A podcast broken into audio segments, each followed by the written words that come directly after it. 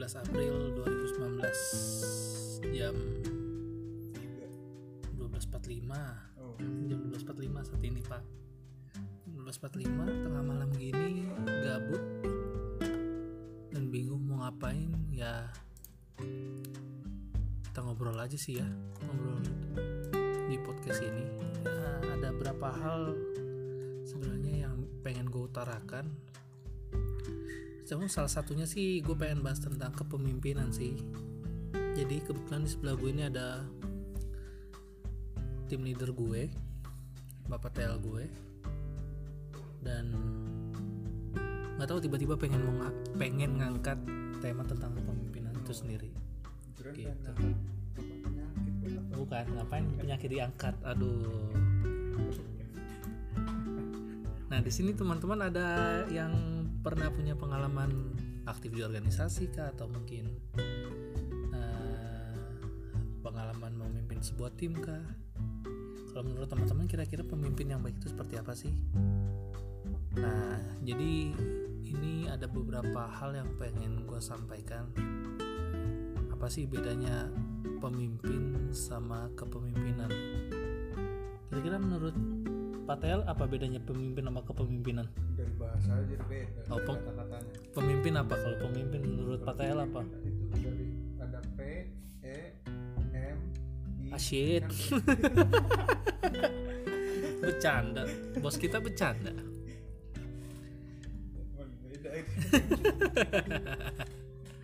Jadi pemimpin itu kayak individu berarti ya? Orangnya ya? Jadi orang yang melakukan proses mempengaruhi. Sepakat nggak? Iya betul. Pemimpin itu aktornya. aktor yang punya proses mempengaruhi suatu kelompok untuk mencapai tujuan yang disepakati bersama. Bener ya pak ya? Yoi. Jadi pemimpin kalau menurut gue sama menurut bos gue kayak gitu. Kalau kepemimpinan itu berarti sifat. Sifat-sifat yang harus dimiliki oleh seorang pemimpin sif i- Hah? ditambahin ke kan? Iya ditambahin ke. Sana ke sini Oh, kan gitu ke mana ke sana katanya nggak tahu lah nggak jelas emang bos gue nih. Kira-kira sifat kepemimpinan yang wajib dimiliki seorang pemimpin yang paling utama kira-kira apa Pak Tel apa? Oh. Menurut lu apa? Menurut gue sih dia karismatik sih. Karismatik. Kenapa karismatik? Karismatik. Kalau orangnya ngebosenin ya nggak asik gitu. Kalau karismatik tapi nggak punya intelijen gimana? Nah itu kedua. Oh itu kedua. Tapi yang pertama karismatiknya karismatik, iya. Wes. menarik gitu ya. Menarik. Kalau menurut bos gue katanya ke iya. model-modelnya kayak penyanyi dangdut. Penyanyi dangdut. Yang, yang penting covernya dulu. Iya covernya menarik tinggal olah dalamnya aja ya? Iya. Cakep. Jadi beberapa sifat kepemimpinan yang biasanya melekat di seorang pemimpin itu yang pertama yang pasti intelijensi ya kemampuan bicara bernalar menafsirkan sesuatu. Biasanya dia tuh harus lebih kuat daripada yang lain. Dia harus lebih mampu bernalar ketimbang anggotanya. Jadi dia sigap buat uh, mengambil keputusan mana yang terbaik gitu. Karena kalau menurut gue pribadi ke- pemimpin yang baik itu lebih baik mengambil keputusan yang salah di waktu yang tepat ketimbang berusaha berpikir mencari keputusan yang tepat tapi udah lewat batas waktunya. Jadi udah dipikirkan matang-matang apa sih jalan terbaik? Tapi sia-sia karena udah lewat masanya gitu. Itu yang pertama intelijensi. Yang kedua yang pasti kepercayaan diri. Yakin punya kompetensi punya keahlian untuk mengelola suatu tim. Oh itu susah. Mengelola suatu suatu tim itu susah. Lalu yang ketiga tuh punya determinasi Determi- determinasi itu kayak hasrat ingin menyelesaikan pekerjaan gitu. Seorang pemimpin tuh berhasrat selesai menyelesai apa ya gimana sih bahasanya? Dia orang yang lebih bergairah untuk menyelesaikan pekerjaan. Kalau pemimpinnya nggak nggak bersemangat buat nyelesain pekerjaan timnya gimana anggotanya? Gimana dia mau mengajak anggotanya untuk eh, sama-sama menyelesaikan pekerjaannya tepat waktu misalnya? Seperti itu yaitu yang ketiga.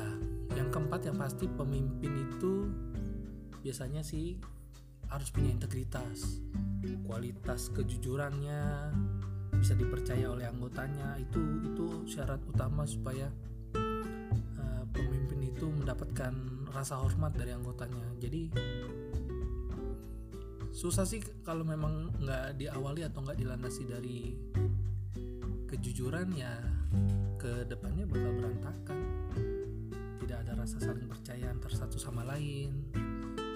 Karena tidak ada rasa percaya itu timnya bobrok pekerjaannya molor. Yang ada ya hancur berantakan semuanya.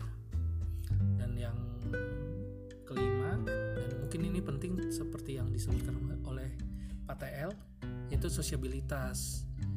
Kecenderungan pemimpin untuk menjalin hubungan yang menyenangkan jadi pemimpin itu nggak harus otoriter pemimpin itu bisa kok menyenangkan bersahabat. Pemimpin bisa ramah bisa sopan diplomatis bahkan bijaksana. Jadi kalau kalau dari gue sih bahasa bahasa bahasa gue itu yang gue yang yang gue percaya dari SMP itu pemimpin itu leading by example. Jadi pemimpin yang baik itu memimpin dan memberi contoh. Nggak cuman nyuruh nggak cuman bilang kamu harus ini kamu harus itu tapi dia lakukan itu dulu sendiri. Dia menjadi role model bagi anggota-anggotanya. Nah, itu pemimpin yang berkualitas versi gue. Terus kira-kira kalian apa sih yang di, harus dimiliki seorang pemimpin? Yang pertama ya tentu kalian teknis. Kalian teknis itu kopot apa ya kalian kalian khusus kayak misalnya kemampuan berpikir analitis hal-hal dasar yang seyogyanya harus dimiliki seorang pemimpin gitu. Tahu dan mengerti menggunakan alat serta teknik yang tepat dalam mengerjakan sesuatu. Misalnya kalau di pekerjaan gue inbound call, inbound call center gitulah. Harus paham bagaimana penggunaan aplikasinya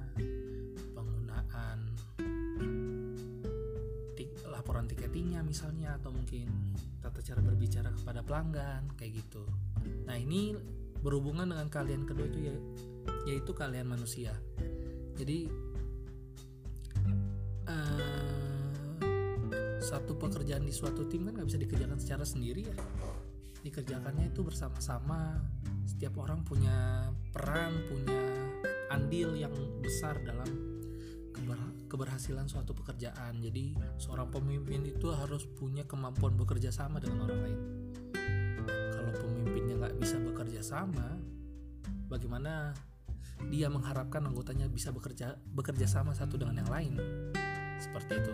Yang ketiga kalian konseptual. Jadi pemimpin itu harus mampu bekerja dengan berbagai gagasan dan konsep. Dia nggak bisa stagnan atau mentok dengan satu konsep tertentu atau bahkan konsep pemimpin itu sendiri. Jadi biasanya pemimpin yang baik itu bakal nampung segala aspirasi yang ada dari anggota-anggotanya, lalu dia harus mampu mengolahnya agar dapat menyenangkan semua pihak. Ya walaupun ya sebenarnya sih nggak bisa sih nilainya semua pihak tapi setidaknya ada andil lah ada ada gagasan-gagasan yang dapat dituangkan maksudnya masing-masing gagasan dapat tertuang dalam satu kebijakan yang dibuat oleh suatu pemimpin, seorang pemimpin seperti itu.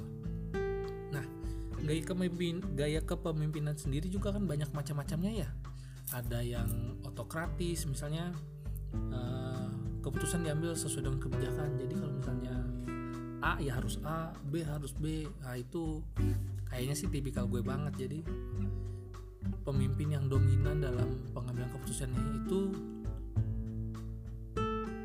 pusatnya kekuasaannya di dirinya sendiri. Nah, kelemahan gue di situ. Jadi kalau gue pribadi terkadang kepemimpinan gue memusatkan kekuasaannya pada diri gue sendiri gitu. Gue membatasi inisiatif dan daya pikir dari anggota-anggota gue. Nah ini pernah gue terapin waktu memimpin suatu organisasi pemuda gereja sih dan gue ngerasa ini nggak cocok. Gue gue yang tipikal orangnya aslinya introvert maksudnya pemalu yang nggak banyak ngomong. Dan dipilih ataupun dipercaya jadi pemimpin gue terapin kepemimpinan otokratis ini ternyata nggak cocok gitu. Biasanya jenis kepemimpinan ini kayaknya adanya di militer atau kepolisian yang memang satu komando gitu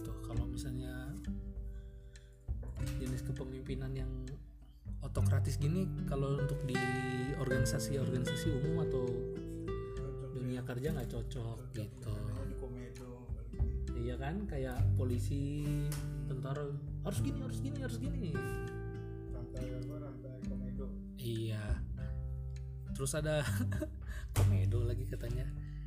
Kalau ini gue rekam jadi nanti akan di gue nggak nggak gue edit langsung gue lempar ke podcast. Iya. Nah yang lagi beredar sekarang kan banyak kepemi- kepemimpinan tuh yang partisipatif gitu loh. Jadi ide dapat mengalir dari anggota dari bawah tuh banyak ide. Karena posisi kontrol atas pemecahan suatu masalahnya itu dipegang secara bergantian. Jadi pemimpin ya kadang memberikan ruang gerak bagi para bawahannya anggotanya lah untuk dapat berpartisipasi gitu. Nah biasanya bonding yang ter- terjadi itu erat maksudnya hubungannya kuat suasana persahabatannya dapet saling percaya ya seperti itu. Jadi kalau menurut teman-teman kira-kira lebih cocok yang mana nih? Yang otoriter otokratis atau yang partisipatif. Sebenarnya masih banyak sih jenis-jenis kepemimpinan kayak misalnya birokrasi misalnya. Jadi apa namanya eh, hampir sama kayak ot- otoriter gitu cuman eh, jenis pemim- kepemimpinannya diatur dari aturan-aturan yang sudah disepakati bersama gitu dan tidak bisa fluktuatif eh tidak bisa dinamis. Nggak bisa dinamis gitu atau mungkin ada yang jadi pemimpin yang menerima apa ya kepemimpinan transaksional. Biasanya pemimpin ini bisa baik kepada satu bagian tim jika memang menguntungkan atau mungkin bisa bisa aja keras terhadap yang lain jika memang tidak ada untungnya baginya gitu. Gimana ya bilangnya? Pokoknya ya apa namanya adanya reward dan punishment sih lebih ke reward dan punishment. Pemimpin cenderung lebih suka sama orang-orang yang yang achieve target yang yang nurut sama dia. Jadi anggota-anggota tersebut kayak dianak emaskan gitu. Sedangkan yang yang nggak achieve atau nggak nggak penting biasanya diabaikan